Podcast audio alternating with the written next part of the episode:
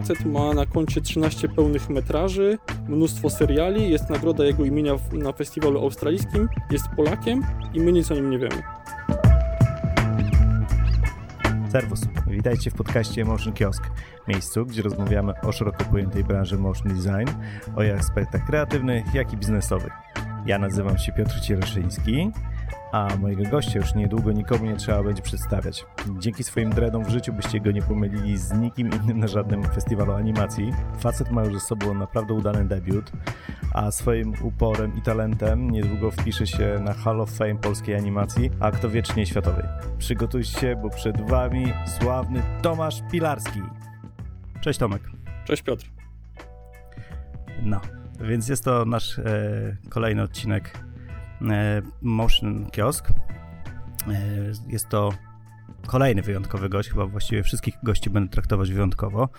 E, bardzo mi zależy, żeby w tym podcaście byli naprawdę ciekawi ludzie związani właśnie z motion i z animacją polskiej sceny, a Tomek chyba na 100% właściwie się zalicza do tego. E, został, przynajmniej w moim przypadku, zauważony swoją animacją War Up Fish i a aktualnie e, świeci przykładem swoją wielką animacją e, świetlikowy Guy. E, więc ja jednak wolę zacząć od What Up Fish, e, bo osobiście zrobiło na mnie przeogromne wrażenie. E, najpierw zobaczyłem animację, później ciebie wygooglałem, Tomku. I byłem w ciężkim szoku, że zrobiony był to przez Polaka i jakby własnym sumptem byłem w świecie przekonany, że to będzie jakiś muzyczny klip. Opowiedz mi, jaki był zamysł tego projektu. Więc tak, What Up Fish to była animacja, która miała powstać na pierwszym roku magisterskim, ale się nie udało. Bo miała to być współpraca z kolegą z roku i to wszystko się po drodze strasznie wykrzaczyło. I generalnie nie mieliśmy nic na zaliczenie prawie. I gdybym ja był profesorem, to bym nas oblał, co by się równało z wyrzuceniem ze studiów, bo to był pierwszy rok, a nie ma tam y, przysiadywania po raz drugi, trzeba się dostać znowu. No ale na szczęście dla nas profesor nas przepuścił, no ale ja stwierdziłem, że nie odpuszczę i skończę tę animację. Co się wiązało z tym, że w sumie musiałem zacząć od początku yy, i pracować przez wakacje. Co wpłynęło potem na moją kolejną animację, właśnie, która miała być moim yy, dyplomem magisterskim i, i, debiutem, jak się później okazało, The Firefly Grove. Yy, no ale wracając do What Up Fish, no to pracowałem właśnie w sumie po zakończeniu pierwszego roku akademickiego nad tą animacją. I plan był taki, żeby się skupić na warsztacie, bo wcześniejsze moje animacje to były raczej takie e, artystyczne próby, e, co jedna to dłuższa i stwierdziłem, że e, no w takiej formie nie jestem w stanie się skupić na animacji, więc chciałem zrobić coś e, na podobieństwo takie zwiastuny szkoła paryska Goblon robi dla Annecy co roku. One są takie około minutowe, Dużo się tam dzieje, jeżeli chodzi o ruch. Smaczne kadry bardzo, kolorystyka. Ja wcześniej też nie pracowałem z kolorami w animacji, bo się tego trochę bałem, znaczy w sumie bardzo. Więc to jest moja pierwsza animacja kolorowa. No więc plan był taki właśnie, żeby spróbować się z tym tematem technicznym. Czyli e, But She's Nice było przed What Up Fish? Tak, było przed. Tak, to był mój dyplom licencjacki. Aha. I właśnie stwierdziłem wtedy, że to już na tyle w tej formie, bo no, sam nie jestem w stanie zrobić nic więcej w takim czasie, mhm. bo ta animacja miała prawie chyba 6 minut, z tego co pamiętam. No a jeżeli chodzi o animację, to musiałem bardzo ścinać zakręty, no bo bym nie zdążył. Okej, okay. jesteś troszeczkę młodszy ode mnie, bo ja miałem wkrętkę, że jakby już studia dla mnie magisterskie to były po prostu pięcioletnie, bo ja magisterkę robiłem na elektronice mhm. i po prostu jak powiedziałeś, że na pierwszym roku studiów magisterki, to byłem w świecie przekonany, że mówisz że o pierwszym roku w ogóle studiów. Aha, nie, nie, nie. Aha, czyli już miałeś doświadczenie, już właśnie chciałem się ciebie spytać, jakby skąd takie mega doświadczenie na pierwszym roku, żeby atakować taki temat jak What Up Fish? Czyli pierwsza taka poważniejsza praca to był jednak But She's Nice. Tak, no ale wcześniej miałem dwa lata innych prób na studiach. No i jeszcze przed studiami też spróbowałem swoich sił w takich bardzo domowych warunkach na zasadzie mam kartkę, maluję po niej tuszem i szybko ją zabieram, zostaje mi po widok i robię kolejną fazę, bo zupełnie nie wiedziałem, jak się do tego zabrać. Ale, ale tego nigdzie nie można znaleźć i na pewno tego nigdzie nie pokażę. Okej, okay, jakby nie za bardzo chciałem zapytywać o, o tę osobę, ale jest to Robert Proch. Widziałem jego prace też e, animacyjne, wiem, że tam e, miałeś z nim do czynienia e, i on miał właśnie takie klimaty bardzo malarskie. Czy twój ten pomysł na jakieś takie tematy malarskie się wzięły z, z pracowni ogólnie z uczelni, czy to był twój pomysł na to? Pytasz o, o, ten, o to pierwsze ćwiczenie, o którym wspomniałem, tak? Tak, tak, tak. Więc y, to musimy się chyba jeszcze trochę bardziej cofnąć, bo sprawa wygląda tak, że chciałem się dostać na animację po zakończeniu liceum, zresztą plastycznego, ale mi się nie udało. Więc y, rok przestudiowałem na Instytucie Sztuki w Opolu, ale byłem już właśnie po pierwszej próbie dostania się do Poznania na animację, więc y, widziałem, jakie rzeczy tam się robią, więc jakby troszkę pod wpływem tego, co tam zobaczyłem, no moja pierwsza próba z animacją wyglądała powiedzmy nieco podobnie do tego, co tam było pokazywane, a że tam był pokazywany Robert Proch głównie, no to, to myślę, że, że to był taki powód, żeby tego spróbować, ale właśnie But She's Nice była moją ostatnią animacją, powiedzmy w tym stylu uczelnianym, bo przypomniałem sobie, że w ogóle nie po to tam poszedłem. A powiedz mi, bo y, jeszcze sobie odświeżyłem te animacje twoje. Mhm. E, But She's Nice to jest takie, jeśli mogę użyć, dość mocno takie schizofreniczny tam temat. E, z tym obcięciem włosów, później te nożyczki w rękach, e, jak aż tak bardzo chciałeś to, w tą sztukę iść, żeby to było aż takie głębokie? Może nie, nie to, że chciałem, e, że to był mój cel taki świadomy, ale ewidentnie tak wyszło. E, jeszcze dodam, że generalnie tam miało być więcej rzeczy, ale wyszłoby z tego 10 minut i na pewno bym nie zdążył. A e, trochę wracam, e, sorry, że tak e, skaczę jakby z tematu na temat. Jasne. A, ale wiesz, po prostu jak zaczynasz mówić, to cała ta moja niewiedza związana z naszą jakby branżą zbiera w całość. Powiedz mi, jak mówisz, że na przykład Robert Proch był pokazywany jako taki mega przykład kolny, ja go w ogóle znam z malarstwa. Mam jego jeden obraz i zacząłem o nim czytać mówię, kurczę, no świetne animacje robi, tak? Jakby, że w ogóle to zarzucił. A w twoim przypadku, jakby jak mówisz, że jego prace były po prostu pokazywane jako, jako super jeden z najlepszych przykładów, to jak twoja uczelnia, czyli Uniwersytet Artystyczny w Poznaniu, jak ta szkoła stoi tak naprawdę animacją? Czy to jest coś naprawdę wyjątkowego wśród polskich uczelni, czy, czy jak? Dlaczego ją wybrałeś? Więc tak, wiedziałem, że jest animacja w Poznaniu, na ASP wtedy jeszcze, bo potem zmienili nazwę, kiedy już byłem studentem. Okay. Wiedziałem, że jest animacja na łódzkiej filmówce. Nie wiedziałem o niczym więcej.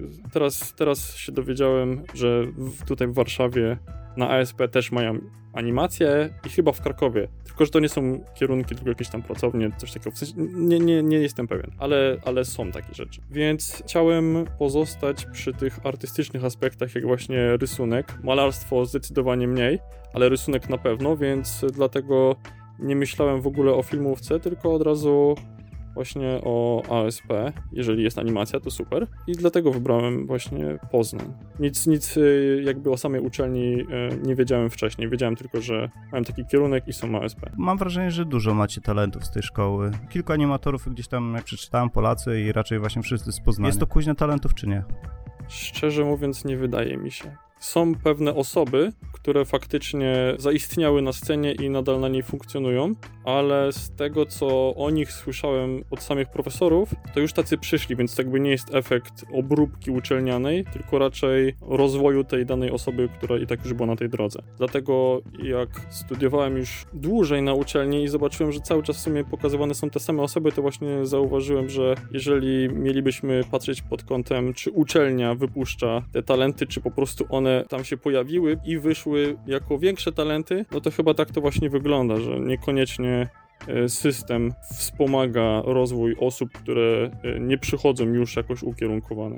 A tak jak myślisz, nie wiem, no, studenci z talentem są traktowani tak raczej po macoszemu, że tak się ludzi, e, jakby profesura nimi opiekuje, czy, czy jednak próbują coś im pomóc jakby pojawić się na scenie?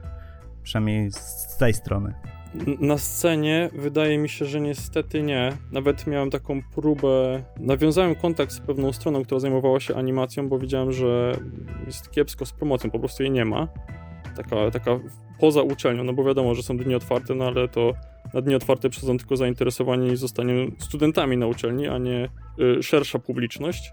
Y, no i byłem nawet na Radzie Wydziału, miałem już tą stronę umówioną, że jeżeli dostajemy zielone światło od uczelni, to co semestr będą animacje studentów na tej stronie się pojawiały. No i nic z tego nie wyszło zupełnie. Ja nawet za, zaproponowałem siebie jako osobę, która byłaby tutaj tym pośrednikiem do momentu, kiedy nie skończę studiów i mimo to nie byli zainteresowani. A jeżeli chodzi właśnie o promocję, nie wiem, festiwalową i tak dalej, to też raczej nic z tego nie ma. Jest tylko wzmianka, że jest krakowska fundacja filmowa, która zajmuje się właśnie wysyłaniem animacji na festiwale, ale sama uczelnia kiedy ja byłem jeszcze studentem, nie wysyłała animacji do tej, do tej fundacji.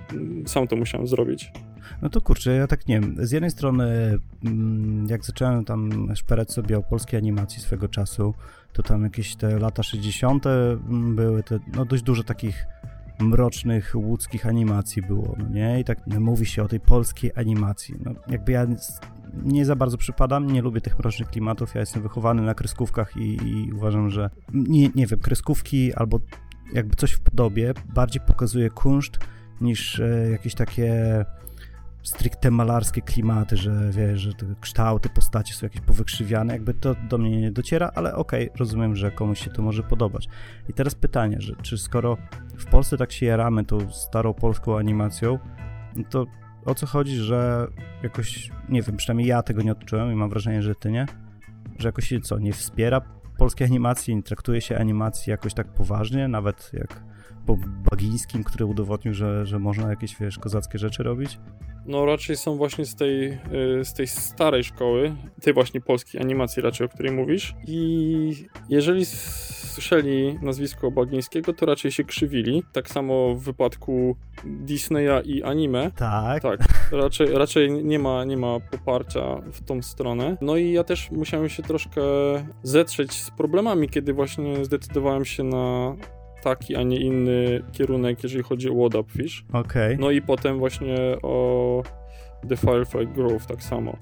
Bo to jakby zupełnie nie były klimaty uczelniane, ale to był kierunek dla którego ja tak naprawdę poszedłem na, na, te studia. Ale to chyba nie jest fajne, co? Jeżeli słyszysz na przykład, że człowiek, który tworzył animację, tak, w Polsce, no nie oszukujmy się, on tworzył tą animację, ponieważ gdzieś tam pośrednio ta forma sztuki trafiła do niego poprzez twórców takich właśnie jak Disney, który się przyczynił do, do rozwoju tej sztuki i później jeszcze, wiesz, no tak jak mówisz, reagują e, z niechęcią na, na, na takie postacie, no to jest dziwne. No, no jest, znaczy nie, nie mówię, że Disney to jest jakieś mistrzostwo świata. Oczywiście, jeżeli chodzi o kwestie warsztatowe, no to pokonał wszelkie bariery, które wydawały się nie do pokonania na początek. Oczywiście teraz, teraz jakby cały świat e, biegnie w tym samym tempie. Tak. E, no ale nie można tutaj e, zapomnieć właśnie o tym aspekcie. Wiadomo, że fabuła i sposób traktowania narracji jest taki, jaki jest, ale, ale no nie można się nie zastanowić nad kwestiami właśnie warsztatowymi. Ja zresztą napisałem pracę licencjacką właśnie na ten temat.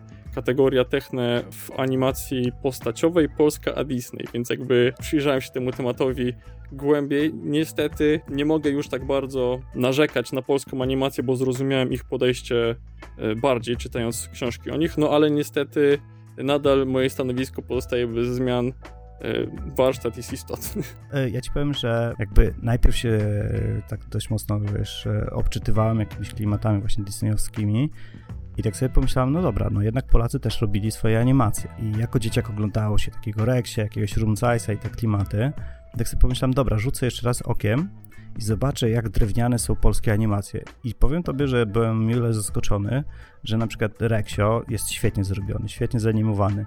E, Bolek i Lolek jest świetnie zanimowany. E, naprawdę to, to wszystko ma ręce i nogi i nie można nic ująć. Jakby to było naprawdę dobre, dobre kreskówki.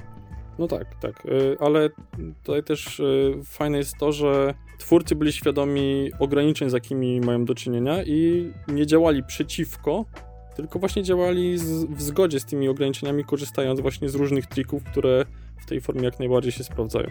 A wspomniałeś w naszej e, rozmowie na poza anteniu, że postawisz swoje kroki w e, teraz to się nazywa kiedyś polsko-japońska Wyższa Szkoła Technik Komputerowych, to wtedy, kiedy ja ją kończyłem. E, teraz to się jak to Piak? PIAT? PIATK, Polsko-Japońska Akademia Technik Komputerowych, jeżeli dobrze kojarzę. Dobra, to teraz ja mam swoje zdanie na temat tej uczelni, przynajmniej na, w momencie, kiedy ją studiowałem, no, robiłem licencjat tam. Animacji miałem dość krótko, to była specjalizacja, ale uważam, że prowadzący kompletnie byli do tego nieprzygotowani. To byli ludzie z wiedzą jakąś, którą zdobyli sami. Szkoda, że nie byli przygotowani do jej e, przekazania. No i jednak no, mam wrażenie, że uczyłem się raczej sam tego wszystkiego. No i teraz, okej, okay, ty mówisz, że tam się wybierasz, no i ja miałem zdanie na temat prowadzących i teraz będziesz jednym z nich. Ty masz swoje zdanie na temat prowadzących ze swojej uczelni. Jak myślisz, będziesz dobrym prowadzącym, czy nie? I opowiedz w ogóle o, o warsztacie, który będziesz prowadzić, tak? To będą wykłady czy warsztat? Wykłady, wykłady. Okej. Okay. To, to znaczy, yy, ta sytuacja dosyć mnie zaskoczyła, bo yy, nie szukałem jej w ogóle, ale moja znajoma pracuje tam i okazało się, że pojawiło się wolne miejsce właśnie na jednych wykładach. I za moimi plecami troszeczkę rozmawiała na ten temat z moją narzeczoną, która zresztą też tam prowadzi zajęcia z Tumbuma. I pomyślały, że może ja bym się sprawdził, bo ich zdaniem coś tam wiem. E, więc e, zostałem postawiony w takiej dosyć niekomfortowej sytuacji, bo jestem introwertykiem i generalnie całe dnie spędzam w domu przed komputerem pracując, a teraz miałbym stanąć i mówić przed grupą ludzi na temat, na który rzekomo coś wiem, więc to jest mocno stresujące, ale myślę, że ten stres, o ile jest dla mnie nieprzyjemny, to może być raczej e, pozytywny w kwestii bycia nauczycielem, bo pewność siebie może właśnie być problemem i powodem takich e, profesorów, którzy potem nie przekazują tej wiedzy tak jak powinni, bo sam właśnie mam doświadczenia tego braku e, ze strony profesorów, więc chciałbym, chciałbym z tą świadomością do tego podejść. No i właśnie obecnie przygotowuję się do tych zajęć, e, czytam książki różne, no i dowiaduję się, dowiaduję się wielu rzeczy, których w, sum, w, których w sumie się nie dowiedziałem u siebie na uczelni, z którymi pracowałem, robiąc swoje animacje, ale których nie miałem usystematyzowanych w taki sposób, w jaki teraz to dostaję z tych różnych źródeł zewnętrznych, więc chciałbym chciałbym to przetrawić i podać dalej studentom. No myślę, że to jest świetna inwestycja jakby w samego siebie, mhm. no bo nie da się nie zauważyć, że jednak, no wydaje mi się, że w każdej formie sztuki jest bardzo dużo introwertyków, stąd ta chyba potrzeba ekspresji poprzez jakąś sztukę i powiem tobie, że nawet o sobie myślałem, znaczy ja jakby jestem po uczelni technicznej, więc jakby troszeczkę mam wrażenie, że mam inne podejście, ale i gdzieś jestem świadomy tego, że, że trzeba wychodzić do ludzi, stąd też pomysł na ten podcast, jest taki, żeby po pierwsze sam dla siebie chciałem móc jakby wyjść do ludzi, poznawać e, nowych ludzi, którzy zajmują się tym samym co ja oraz e, chciałbym, żeby no, ludzie, którzy siedzą sobie w domach, zastanawiają się, czy warto na przykład zająć się rysunkiem, czy animacją, czy no, czymkolwiek związanym ze sztuką, jakby mogli sobie tego posłuchać i powiedzieć, kurczę, no jestem taki sam, też mogę, mogę wejść do ludzi, mogę zdobyć wiedzę i, i wcale no, nie czuć się samotnie, nawet jeżeli on siedzi sobie w domu, tak? Więc to jest fajne. Jasne, jasne. E, no i wydaje mi się, że to co, doświadczenie, które teraz zdobędziesz na uczelni, no pozwoli ci chyba na trochę lepszą promocję, bo z tego, co y, czytałem i wspominałeś, to jest na przykład, nie wiem, na y, Świetlikowy Gaj, ja, ja będę po polsku mówić ten tytuł, y, próbowałeś zdobyć finanse w, w piswie. Jakby mi się PISF kojarzy raczej z, z klimatami takimi, że animacja musi opowiadać jakąś bolesną historię Polski. Jakby więc wydaje mi się, że no nie wiem, no raczej z takimi tematami właśnie mając większą odwagę możesz startować naprawdę na to finansowanie gdzieś tam e, u jakichś większych graczy niż e, tylko PISF, tak? Więc życzę Ci tego, żeby, żeby jak najwięcej e, zdobywać kasy na projekty. A powiedz mi, w ogóle jak PiS zareagował na przykład na świetlikowy graj. I tutaj wracamy do Tomka Baglińskiego, który był szefem komisji, do której składaliśmy moją animację i bardzo, bardzo sobie cenię właśnie tutaj jego wkład, bo miał pewne uwagi co do pomysłu, co do generalnie projektów postaci, bo e, miałem niewiele czasu właśnie ze względu na to, że pracowałem nad What Up Fishem i potem nagle się okazało, że mam bardzo niewiele czasu i muszę przygotować materiały, żeby w ogóle można było złożyć wniosek o dofinansowanie. No i te postacie były niedopracowane, e, ale właśnie Tomek Bagiński poprosił o rozmowę ze mną, żeby wyjaśnić sobie tą kwestię. Porozmawialiśmy na ten temat i powiedziałem, że to nie jest, to, to, to nie jest koniec, to nie tak ma być, tylko teraz miałem niewiele czasu. On powiedział, dobra, rozumiem, e, będę bronił projektu, no i się udało. Aha, czyli jednak jest ktoś z branży tam, kto jest, jest w stanie obronić projekty, tak? No nie wiem, no bo tak jak mówię, mam wrażenie, że... E, tak, tak, no wybiera się, wybiera się szefa komisji, który będzie oceniał ten projekt. Oczywiście są jeszcze dwie inne komisje i komisja taka nadrzędna. Ale jeżeli osoba, do której się składa, już jest po twojej stronie, no to jest dobrze. Super. Słuchaj, ja e, ostatnio przeczytałem w jednym z wywiadów z tobą takie hasło rzuciłeś. To jest na temat świetlikowego gaju. Sz zacząłem szukać animatorów i niestety dobre chęci nie szły w parze z umiejętnościami. Ja niestety byłem jednym z tych animatorów, którzy, którzy chcieli pracować przy tym. ale, ale dobra, nie biorę do siebie. No przyznam, trochę przeżyłem, ale powiedz mi, dlaczego się nie udało znaleźć ludzi do, do pracy przy tym projekcie? Jakby traktowałeś to bardzo osobiście?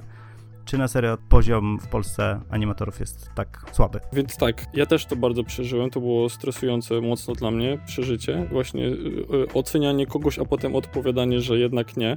Bo jeżeli byłoby, że super, y, lecimy z tematem, no to zdecydowanie mniej stresujące by to było dla mnie. Na początku. Ale tak, tak, tak. Ale no niestety plan był taki, że skoro robię kolejną animację i mam teraz pracować z ludźmi, to moja dolna kreska jest taka, że to ma być minimalnie takie jak Fish, a docelowo ma być lepsze. Więc yy, chodziło mi też o to, żebym nie musiał zajmować się animatorami i pokazywać co i jak na każdym kroku, tylko żebyśmy mogli pracować i posuwać projekt do przodu, a nie żeby robić z tego szkołę dla animatora. Bo ja też y, nie uważam siebie za jakiegoś nauczyciela, y, bo, bo sam uczę się animacji. No więc y, w pewnym momencie okazało się, że albo jakość będzie z, no zdecydowanie słabsza i jeszcze na dodatek nierówna, bo się okazało, że każdy animator zupełnie inaczej interpretował postacie, więc to był kolej, kolejny problem, z którym musiałbym się borykać. No i stawki, które mogłem zaproponować, były takie, że animatorzy, którymi ja byłbym zainteresowany, no to, y, no to oni nie byli zainteresowani, więc w pewnym momencie okazało się, że już tyle czasu poświęciłem na to szukanie, a czasami nawet na pracę z animatorami, bo parę takich osób było, no że chyba lepiej będzie po prostu dać sobie spokój i działać samemu, no bo czas ucieka, a animacja jak stała w miejscu, tak stoi. Jasne. A to w takim razie jakie wnioski wyciągnąłeś z tego? No powiedzmy, będziesz realizować kolejny projekt, jak byś podszedł teraz do tematu? Bo tak jak powiedziałeś, że każdy interpretował postać po swojemu. Jakby, no to chyba wskazuje na to, że trzeba ładniej, lepiej stworzyć na przykład postać, tak? Czy żeby była bardziej zrozumiała. No, chociażby tak mi się wydaje. Tak, też. To znaczy teraz mam doświadczenie y, jako animator w projekcie, który był bardzo dobrze przygotowany. Rise of the Teenage Mutant Ninja Turtles, który miał swój ostatni odcinek w zeszły piątek. Pracowałem tam właśnie jako animator, no i projekt był no, świetnie przygotowany, mimo że animatorzy byli nie tylko z Sydney, bo tam się mieści studio, tylko no tak jak ja z różnych stron świata.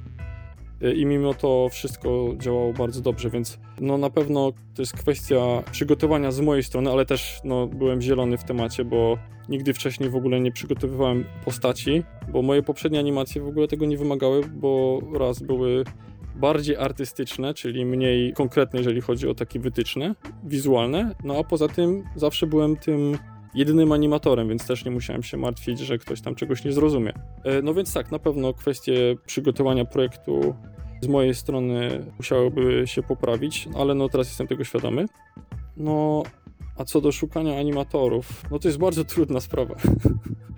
więc e, nie, nie myślałem o tym w tym momencie, bo bo też nie mam projektu, do którego potrzebowałbym animatorów, no ale wiem, że, że ta kwestia byłaby dużym wyzwaniem organizacyjnym. Jasne. A coś pla- planujesz teraz, jakiś kolejny film? E, nic konkretnego, ale chciałbym wrócić do, do swoich filmów, tylko że w tym momencie właśnie pracuję jako animator, co jest super, bo nie muszę się martwić innymi aspektami, a szlifuję animację, ale w międzyczasie e, czytam dużo i rozmyślam o te tematy, bo zauważyłem, że łatwo jest popaść w takie obecne trendy, które no niekoniecznie mają jakąś treść pod spodem, takie bieganie za tym, co jest najjaśniejsze w tym momencie, a nie chcę tego robić, więc trochę, trochę zadaję sobie pytania, w jaką stronę chciałbym pójść, właśnie czytając różne tematy, które tak naprawdę nie są związane z animacją w ogóle.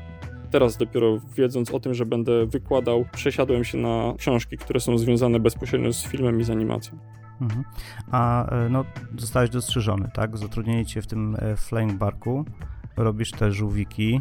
Rozumiem, że zostajesz z nimi dalej robić jakiś projekt, czy nie? To znaczy, y, sprawa z nimi wygląda tak, że nie zostałem przez nich dostrzeżony, tylko założyłem Twittera.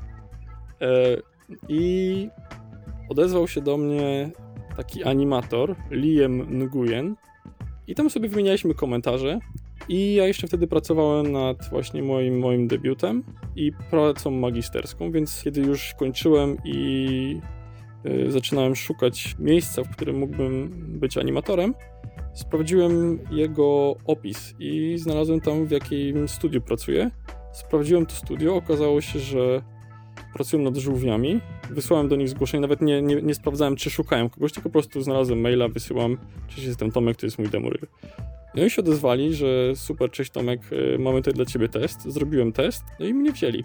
Więc jakby dzięki Twitterowi tak naprawdę, dzięki temu, że założyłem Twittera, tam się znalazłem, bo bez tego nawet bym nie wiedział, że istnieją. A jeszcze ciekawostka, to studio Flying Bark zostało założone przez Polaka, który był z Krakowa i emigrował do Australii i założył tam studio i wszystkie te animacje o misiu, koala, Blinking Billy, to, to jest z tego studia, to są jego pomysły. I nawet jest nagroda na festiwalu australijskim jego nazwiska, Joram Gross. My o nim w Polsce na historii animacji nic nie słyszeliśmy. Ale to jest, czyli to jest poważny gracz, tak? No tak, tam y, facet ma na koncie 13 pełnych metraży, mnóstwo seriali, jest nagroda jego imienia w, na festiwalu australijskim, jest Polakiem i my nic o nim nie wiemy. O Jesus. Bo jego historia jest zbyt wesoła może. No chyba tak. Ale nieprzyjemnie, ojej. A powiedz, lubiłeś y, Żółwi Ninja wcześniej, zanim zacząłeś się animować, czy nie? Tak, tak. Y, miałem miałem y, różne części garderoby z nimi, nawet mama zrobiła mi kiedyś sweter z Leonardo, y, który wrzuciłem zresztą do sieci. Mój brat na tym, na tym samym zdjęciu ma sweter z Księgi Dżungli, więc napisałem, że on nigdy nie pracował przy Księdze Dżungli, a ja z kolei przy żółwiach tak. Kozacka. No tak, ale właśnie, wracając jeszcze do tych żółwi, to dostałem właśnie pracę przy żółwiach i kiedy żółwie się skończyły, kontynuowałem współpracę z Flying Bark i pracowałem przy takim nowym serialu y, Lego Monkey Kid. A, no, no, no, fajnie to wygląda. On jeszcze tutaj do nas nie dotarł, on na razie miał premierowy odcinek w Chinach, z tego co kojarzę, bo generalnie to no, z racji tej tematyki, bo to jest ta legenda o Małpim Królu, to są te motywy chińskie, e, no to Chiny są docelowym odbiorcą i potem dopiero pójdzie na świat. Więc pracowałem przy pierwszym sezonie i w przyszłym miesiącu będę już pracował przy drugim. Zaczynałem produkcję. Ale to, fa- to fajnie wygląda. Ja widziałem zajawki, nie wiem, czy to u ciebie właśnie na, na fejsie, czy gdzieś Możliwe. indziej to natrafiłem, ale to wy- wygląda atrakcyjnie. Nie za bardzo przypadam za Lego animacjami, Mhm. jak dla mnie za dużo tam się dzieje, ale to wygląda tak, Tak, tak, no już tak naprawdę ciekawie. To już takie bardziej artystyczne się wydaje. Y, No i Flying Bark w tym wypadku dostał wolną rękę, bo to oni są odpowiedzialni za te odcinki od początku do końca, bo wcześniej przy żółwiach oni byli tylko wykonawcami animacji, jakby Nickelodeon był y, zleceniodawcą. Całe storyboardy i historia były z Nickelodeonu, a Flying Bark to było tylko animacja, Mhm. więc teraz jakby na podstawie żółwi dostali taki projekt. No a obecnie jeszcze w tym miesiącu, do końca tego miesiąca pracuję z takim panem z Arabii Saudyjskiej nad jego shortem, który później ma się przerodzić Mhm. w trzy pełne metraże, no i jakby pomagam mu przy scenariuszu obecnie. Wrócę jeszcze tylko, bo, bo nie, wiesz co, jawisz mi się naprawdę super ciekawą postacią i tak po prostu mam wrażenie, że każdy kawałek twojej historii jest e, do rozwinięcia. Jeszcze do tego Wadapa wrócę. Zauważyłem, że ten Wadap jest w stylu Ja nazywam tą szkołę Gobelin, ale ty mówisz, jak, jak ona go, Gobelin? Goblon? Nie wiem. Ja miałem francuski przez 6 lat i, Okej. i umiem powiedzieć, że bardzo mi przykro, ale nie mówię po francusku. Ta animacja jest bardzo w ich stylu, mam wrażenie. Oni mają taki specyficzny styl. Tak, ale myślę, że teraz się trochę rozwodnili. To znaczy, te nowe rzeczy już nie są takie oczywiste, że są z tej szkoły jak wcześniej. Troszeczkę idą w polską stronę, mi się wydaje teraz. Okej. E, Myślałeś tam się dostać? Miałem takie marzenie, jak byłem na licencjacie, Mhm. ale już po licencjacie stwierdziłem, że, że koniec y, z edukacją, to znaczy oczywiście skończę tą magisterkę, ale y, ile można biegać za edukacją, lepiej w sumie zakasać rękawy i działać w branży, co przygotuje cię lepiej do pracy w branży, bo już to robisz. Okej. To tak mam kilka takich pytań, które można by było wpleść w, to, w ten temat, który, o którym rozmawiamy. Tak jak teraz mówimy o tym, to naprawdę jest dużo różnych możliwości. I powiedz mi na przykład, co byś polecił początkującym, jakby ludziom, bardziej mówię o Polakach, tak, zaczynających Mhm. albo przynajmniej chcących zacząć cokolwiek w animacji. Jak myślisz, jak powinni podejść do tematu? Jak zacząć? Y, Myślę, że nie będę tutaj oryginalny i polecę książkę Richarda Williamsa jako dobry początek. Kojarzysz ją, prawda? Powiedz nazwę. No właśnie nie pamiętam, ale Richard Williams ma jedną książkę. to jest e, chyba Animator Survival A, Survivor, Kit. no oczywiście, oczywiście. Ja ściągnąłem tak, PDF-a okej. e, i Mhm. mnóstwo rzeczy tam e, wyczytałem i stwierdziłem, że trzeba mieć własny egzemplarz. Dostałem w prezencie, tak, podstawę. Tak. No właśnie, bo jak ja dostałem się na, na tą uczelnię w Poznaniu, to moja pierwsza animacja, ja nawet nie wiedziałem, że jest taki pomysł jak robienie faz kluczowych. Mhm. I nie, nie dowiedziałem się tego na uczelni, dopiero jak przeczytałem tą książkę, to się okazało, aha, czyli mogę tak to w ogóle zrobić. Jasne. Więc myślę, że to jest dobry początek, bo o ile na pewno się nie zrozumie wszystkiego, to przynajmniej gdzieś tam będzie kołatać z tyłu głowy, że aha, czyli to jest jakaś antycypacja, Tak. tutaj możemy jakiegoś squasha zrobić, a możemy też w ogóle zaplanować ten ruch, że w paru rysunkach i potem będziemy robić te rysunki pomiędzy. Więc myślę, że to jest dobry początek, no a reszta to jest generalnie praktyka, trzeba popełniać własne błędy i, i wyciągać z nich wnioski. Zgadza się. A powiedz, zrozumiałem też, że e, jednak twoje social media mają ogromny wpływ na rozwój twojej kariery, tak? Można tak założyć? Tak, zadziwiający, bo nie jestem w tym y, zbyt dobry, Mhm. ale właśnie tak jak mówiłem, ten projekt, przy którym obecnie pracuję z Arabii Saudyjskiej, wyniknął wyłącznie z tego, że mam Art Station, na którym nikt mnie chyba nie śledzi. W sensie tam jest parę osób, ale strasznie mało, ale ten pan z Arabii Saudyjskiej szukał ludzi wyłącznie tam. Więc gdybym nie założył, to nie miałbym teraz e, tej funkcji, którą piastuję obecnie, więc, więc dobrze być wszędzie. Jasne. No i ja jestem skupiony na Behance bardziej. Do- Dobrze, dobrze być wszędzie właśnie. Y, Mam, mam te wszystkie social mediowe opcje, chyba, chyba wszystkie, ale żadnej, żadnej nie robię dobrze. A sam to ogarniesz wszystko? Tak. Masz na to czas? Y, Znaczy, no, tak jak mówię, no nie siedzę jakoś specjalnie w temacie. Pewnie można by to zrobić y, 100 razy lepiej, no ale, ale mam i tak ja to, ja to, ja to robię. A wspomniałeś, że tam z tym animatorem się przypisywałeś, tak? Na, na Twitcie? Mhm, tak. Okej. A na przykład, nie wiem, są jakieś postacie, które followujesz? Jakieś ze trzy mógłbyś polecić? To znaczy, ja nie jestem dobrą osobą do odpowiadania na coś takiego, bo ja generalnie unikam takich internetowych spraw. Ja te swoje media społecznościowe mam, wrzucam i wyłączam Mhm. zazwyczaj. Ale dziwne. E, Internetu w telefonie też nie praktykuję. To znaczy, teraz mam z racji na obecny projekt, Okej. żeby Slacka odbierać. Ale zaraz jak miesiąc się skończy i skończę pracę przy tym projekcie, usuwam. To skąd bierzesz inspirację? no to sobie szukam już na własną rękę, kiedy potrzebuję. Ale, ale nie, nie ma takich postaci, które jakoś tam specjalnie śledzę, oprócz Matiasa Zamęckiego, który pracował przy moim debiucie i zrobił wszystkie tła. No ale to właśnie z racji tego, że Matiasa znam i Matias robi fajne rzeczy, więc jakby tak to wygląda. Okej, czyli e, s- jakby streamujesz swoich followersów w jego kierunku, pod, podbijacie siebie nawzajem tam. No cza, cza, cza, czasem tak. Mhm. Prawidłowo, prawidłowo. Czyli no super, no jednak, czyli można powiedzieć, że w miarę prężnie działasz jednak w social media. No takie jak, e, no tak, troszeczkę, no ba, może nie prężnie, ale coś tam robię.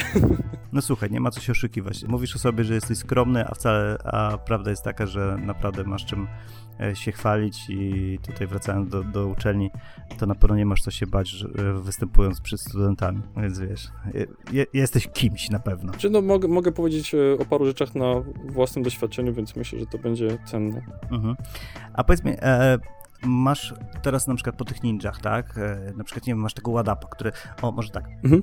Który z tych projektów, czy Wadap, czy Świetlikowy Gaj, ja lubię te dwa, więc będę o nich, o nich mówić, Mhm. który bardziej ma wpływ teraz na Twoją karierę? Mhm. Jakby. E, No świetlikowego jest zdecydowanie. Dlaczego?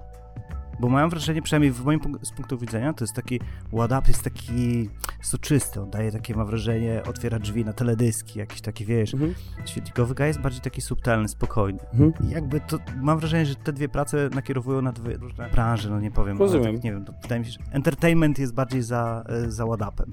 Więc e, generalnie pomysł z Wodapem był taki, żeby przyciągnąć uwagę ludzi, więc tam jest e, prawie wszystko, co może taką uwagę ściągnąć i taki był cel. To jest o niczym, to jest tylko wizualna, Mhm. wizualna próba zmierzenia się z tematem i przyciągnięcia uwagi właśnie tymi zabiegami, które zazwyczaj uwagę przyciągają. Więc jakby myślę, że to mi pootwierało trochę furtek, jeżeli chodzi o liczbę osób, które zaczęły mnie tam gdzieś śledzić, ale myślę, że Świetlikowy Gaj dlatego, że tam jest historia i to jest troszkę dłuższe, dlatego tę historię można było tam opowiedzieć. Mhm. No i na dodatek e, wykonuje tam no prawie, prawie wszystkie funkcje po kolei, więc jeżeli właśnie tutaj Arabia Saudyjska się do mnie zgłasza, to dlatego właśnie, że potrafię te wszystkie rzeczy zrobić i dlatego teraz jestem konsultantem przy scenariuszu, mimo że na początku miałem być animatorem, okazało się, że projekt nie jest gotowy do animacji jeszcze, więc jakby teraz jako osoba z doświadczeniem na tych wszystkich szczeblach mogę poprowadzić tego producenta przez te wszystkie trudności i zawiłości, bo naprawdę można popełnić błąd na każdym etapie. A, a jakby popełniłem ich sporo na każdym z tych etapów, więc z doświadczenia mogę coś tam powiedzieć. Kariera się rozwija. Będziesz parł do przodu, jakby powiększy mieszek pieniędzy, czy bardziej jednak dalej będziesz chciał się realizować tak artystycznie? Jak, jak, jak czujesz swoją przyszłość? E, To znaczy, chciałbym, żeby i to, i to połączyć.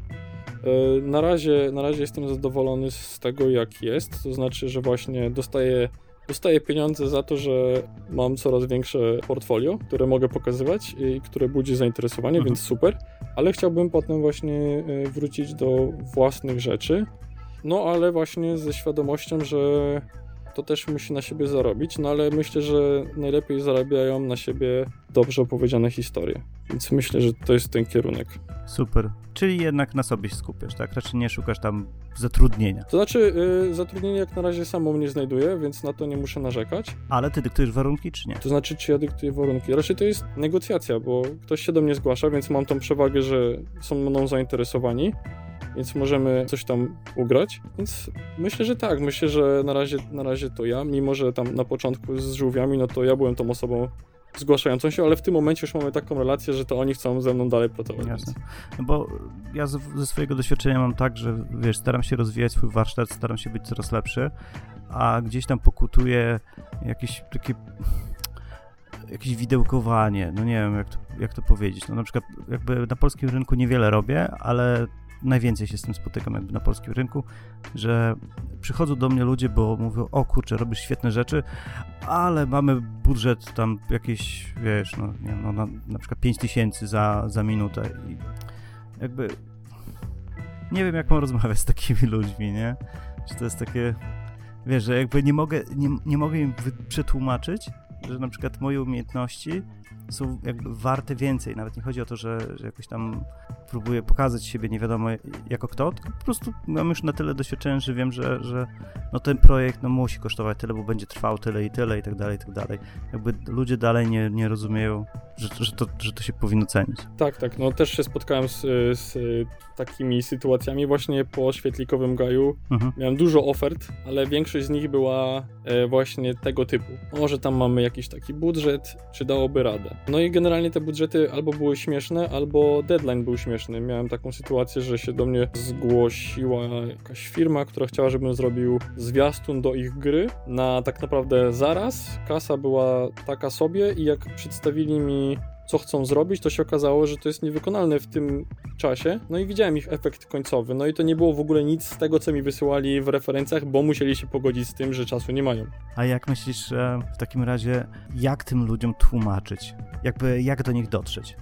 E, Na przykład, mo- mo- moim zdaniem, ten podcast jest, jest jedną z tych rzeczy, tak? Żeby ludzie mogli posłuchać, o czym my rozmawiamy, z czym się mierzymy w branży. A, jak inaczej można do nich docierać? No w tym wypadku zrobiłem e, taki szybki esej na temat wszystkich procesów. Mhm.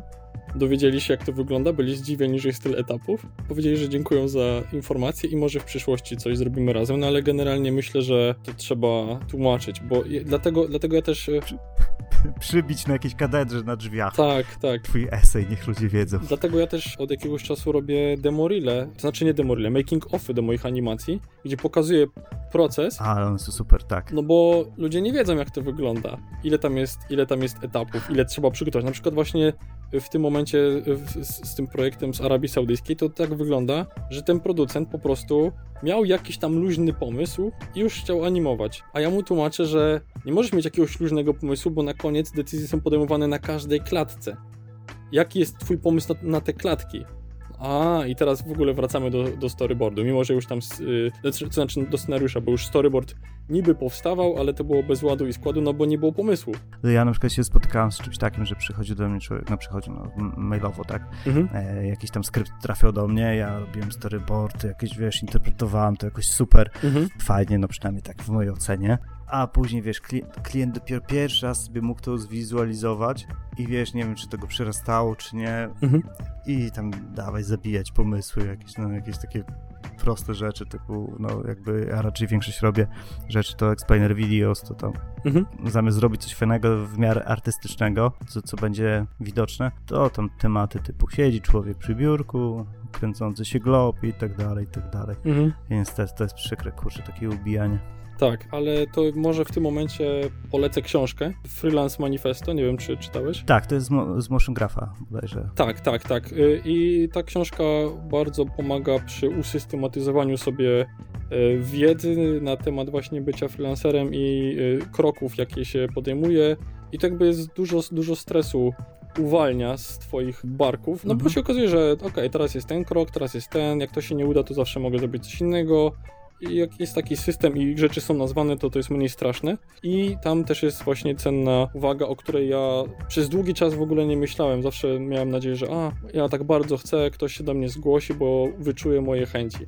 No nie, musisz mieć portfolio, które pokazuje to, na, na co cię stać, to, co chcesz robić, bo nikt w większości nie zatrudni ciebie do zrobienia czegoś, czego już nie masz w portfolio, więc jakby trzeba myśleć w takich kategoriach, że No to jest, to jest przykre trochę, bo ja, ja, ja ci powiem, że ostatnio e, musiałem mm, zerwać współpracę z jednym z klientów, ponieważ mnie zasypywali taką robotą, która po prostu była totalnie nieatrakcyjna i w ogóle nie miałem przez to czasu e, jakby, znaczy raz, że nie dawały mi to możliwości wrzucić to do portfolio i nie Mhm. miałem przez to czasu, żeby robić coś na boku, coś co mogłem wrzucić do portfolio. mhm, I wiesz, i, i wpadłem w taki kozi róg, kurczę, że, że nowi klienci po prostu nie przychodzili, mhm, bo jedyne co mogli zobaczyć to te takie siermiężne rzeczy, które musiałem robić dla tego klienta. mhm. No to, to też jest taka pułapka. To to będzie dobra rada dla początkujących. Tak, tak. No właśnie w tej książce jest podział na zlecenia, które posuwają twoje portfolio do przodu i takie, które dają ci dużo pieniędzy, żebyś mógł potem swoje portfolio ewentualnie w wolnych chwilach y, posunąć. Mhm. Czyli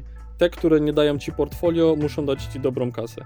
Jak y, tego nie robią, to muszą być do portfolio. Tak jest. No tam też słyszałem, że po prostu, jeżeli chcesz zarabiać dokładnie na takiej takiej animacji, to po prostu ją non-profit. Tak. E, Dla kogoś myślę, że najlepiej, ewentualnie dla siebie, chociaż nie wiem, ja osobiście dla siebie jestem najtrudniejszym klientem i sobie sam nic nie potrafię dobrego zrobić. Mhm. No, ale, ale chyba takie non-profitowe, gdzie można się naprawdę tam, nie wiem, już nic ci nie powstrzymuje przed tworzeniem czegokolwiek, to to chyba są najlepsze sposoby. Tak, no i, i, przy- i przy okazji zdobyło się doświadczenie pracy z, z ludźmi, Tak. z klientem, co też jest ważne, no bo ktoś kolejny będzie twoim klientem, jeżeli wiesz, jak się pracuje z klientem i ta osoba widzi, że pracowałeś z tyloma już klientami, no to będzie miała większe zaufanie już na, na starcie. No pewnie. Okej, okay. słuchaj, zadam ci jeszcze jakieś może pytanko, lekturę e, troszeczkę może jakby off topic, ale myślę, że to jest dobre pytanie. Co sprawia, że wstajesz rano z łóżka? Co cię pompuje do działania? Możliwe, że strach przed śmiercią. Nie, no, tak specjalnie trochę powiedziałem.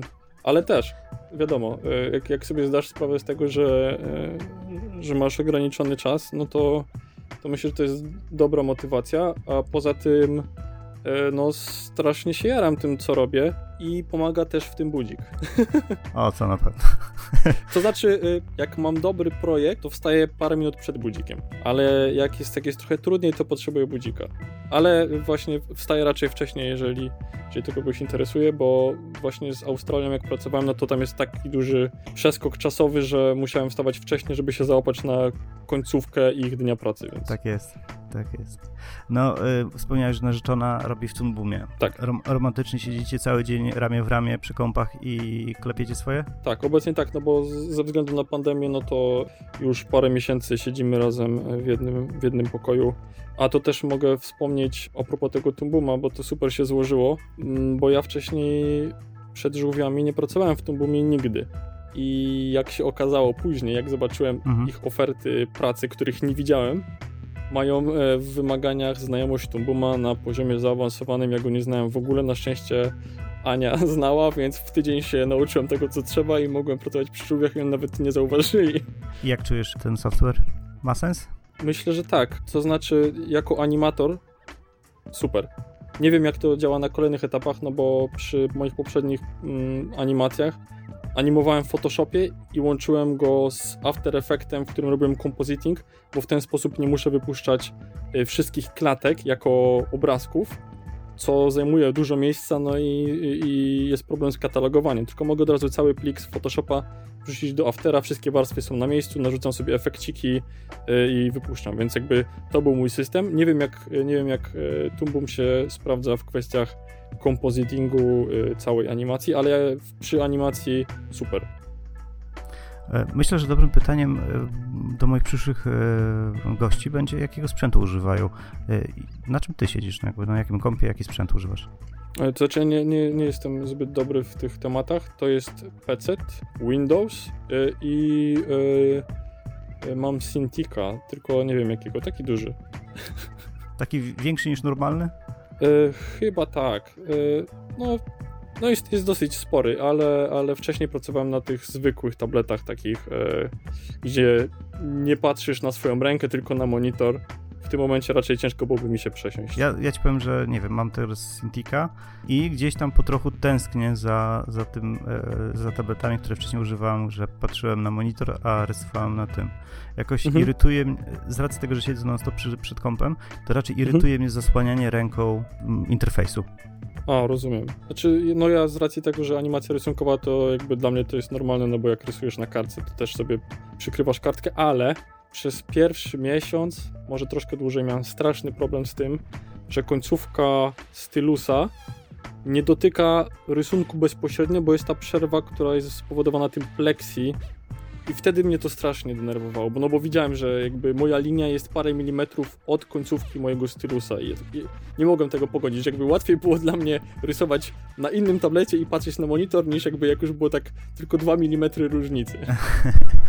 ja, ja z tym też się mierzyłem i nie wiem dlaczego, ale właśnie e, to, o czym mówisz, sprawia, że jakoś fajniej mi się pracowało, jak patrzyłem na monitor. Bo mhm. jednak się rysowało tam dokładnie, gdzie był mój kursor. Mhm. I jakby, wiesz, ja nie, nie miałem tego problemu, takiego manualnego. No ale tak czy siak już chyba się nigdy nie przysiądę z powrotem. Będę na tym Cintiku swoim. A to jeszcze używam takiego sposobu właśnie, kiedy korzystałem z tego normalnego tabletu, który nie jest, nie, nie jest na monitorze. Obklejałem go kartką papieru, bo wtedy nie, nie, nie, nie rysowałem plastikiem po plastiku, tylko plastikiem po papierze, więc było to bardziej zbliżone do rysowania na papierze, a sam papier jest na tyle cienki, że nie przeszkadzał w czytaniu mojego ruchu. No to teraz z tego co kojarzę, to chyba jeden z najnowszych produktów Wacoma jest z papierem właśnie. O, no super, super, no. bo właśnie sam sobie tak obklejałem tam. Nie, nie byłeś w tym sam. No. Dobra, Tomek, słuchaj, e, nasz czas powoli mija. Ja bym mhm. miał do ciebie jeszcze milion pytań, więc pewnie z chęcią cię zaproszę jeszcze raz do rozmowy. Jasne. E, szybko czas zleciał, co? Tak. Tak. Ja też myślałem, że, że godzina to będzie bardzo, bardzo długo, ale jednak z chęcią bym jeszcze pogadał z półtorej minimum. Ty chyba musisz do, wracać do pracy. Tak, tak. Kawa poranna była? Arabia Saudyjska wzywa. Aha. Ale to czekaj, to u nich jeszcze jest końcówka tygodnia. Tak? Nie, nie, nie. y, To jest godzina różnica. Oni są godzinę przed nami, czyli teraz jest dziesiąta u. A, to zgrabnie, zgrabnie. A dużo tam roboty jest? Bo ja też tak mam takie ciągoty, żeby gdzieś tam jednak w te islamskie kraje zajrzeć i... A, nie, nie mam pojęcia, nie mam pojęcia. Jakby, no, tak jak mówiłem, sam się do mnie zgłosił, więc jakby nie, nie, nie sprawdzałem rynku tam. Bo dużo robił. Egipt dużo robi.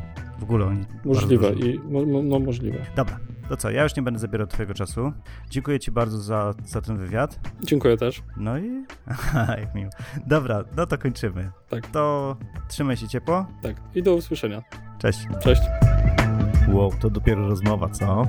Zapraszając Tomka, nawet nie spodziewałem się, że e, rozmowa będzie się toczyć takim torem. Ciekaw jestem teraz, co wy sądzicie o tej rozmowie. Dajcie znać w komentarzach. E, Bardzo jestem ciekaw, o co chcielibyście, żebym pytał moich rozmówców, bo jak widać rozmowa o projektach to jest tylko czubek góry lodowej. Warto poznać bliżej człowieka i żeby lepiej zrozumieć jego twórczość. Tak więc jeżeli coś was nurtuje i chcielibyście popytać Tomka czy naszych przyszłych gości, dajcie mi po prostu znać. Już teraz wiem, że Tomek na pewno zostanie zaproszony na przynajmniej jedną rozmowę, bo to jest naprawdę bardzo barwna postać. Tak więc zostańcie ze mną, na pewno jeszcze go usłyszycie. Teraz trzymajcie się ciepło, buziaczki, hej! Dziękuję, bye bye.